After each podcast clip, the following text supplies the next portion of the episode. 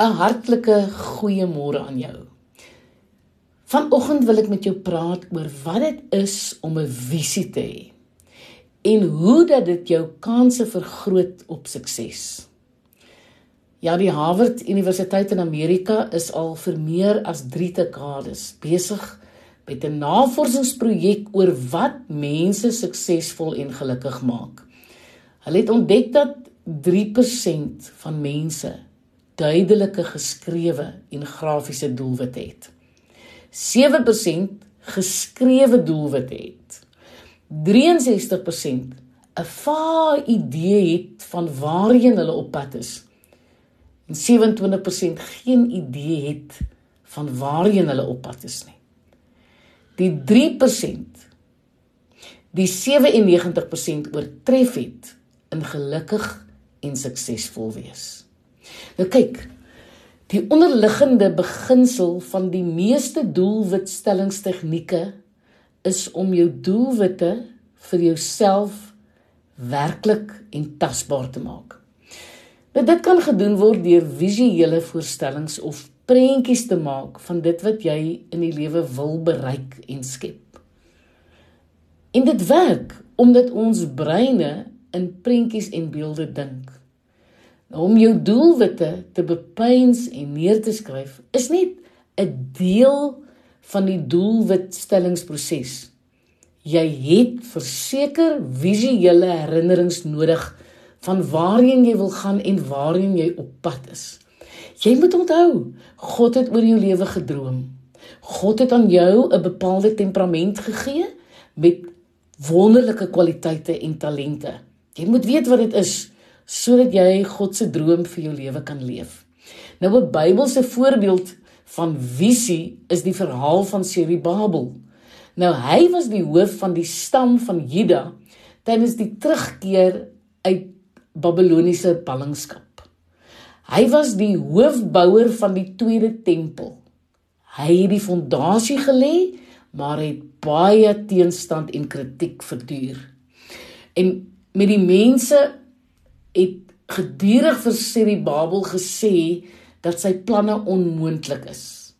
Ja, en hy het toegelaat dat ander negatiewe en bang mense se opinies en negativiteit hom beïnvloed en hy het vir 10 jaar glad nie aan die tempel gewerk nie. Siri Babel was bewus daarvan dat die opbou van die tempel die regte ding was om te doen. Hy het selfs geweet dat dit die opdrag van God was. Maar nogtans het hy toegelaat dat mense se opinies hom weglei van dit wat God hom voorgeroep het. Hy het sy visie laat vaar. Eendag het die profeet Sagaria daar aangekom en vir Serubabel 'n interessante opdrag gegee. Hy het gesê: "Gaan haal die hoofsteen." Nou die hoofsteen is die steen wat eenkant gehou is sodat dit as die laaste steen ingebou kon word om die gebou te voltooi. Nou dit was dis simbolies en dit het die eindproduk verteenwoordig. En telkens as Serubabel na die hoofsteen gekyk het, het dit hom daaraan herinner dat God dit wat hy begin het, sou voltooi. Kom ek vra jou dan nou. Het jy jou hoofsteen voor jou? Het jy iets konkreets wat die finale deel van jou droom verteenwoordig?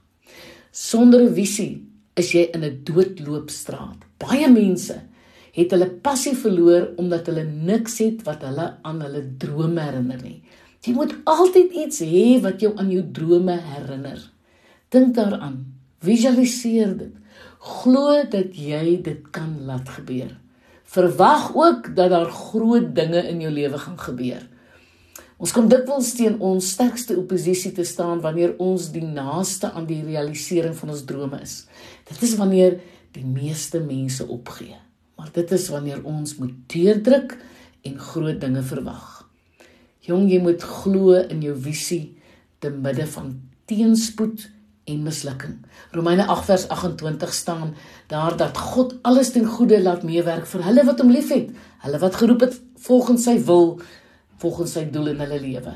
Om volgens hierdie beginsel te lewe, gee mense gevoel van dieper perspektief en vrede.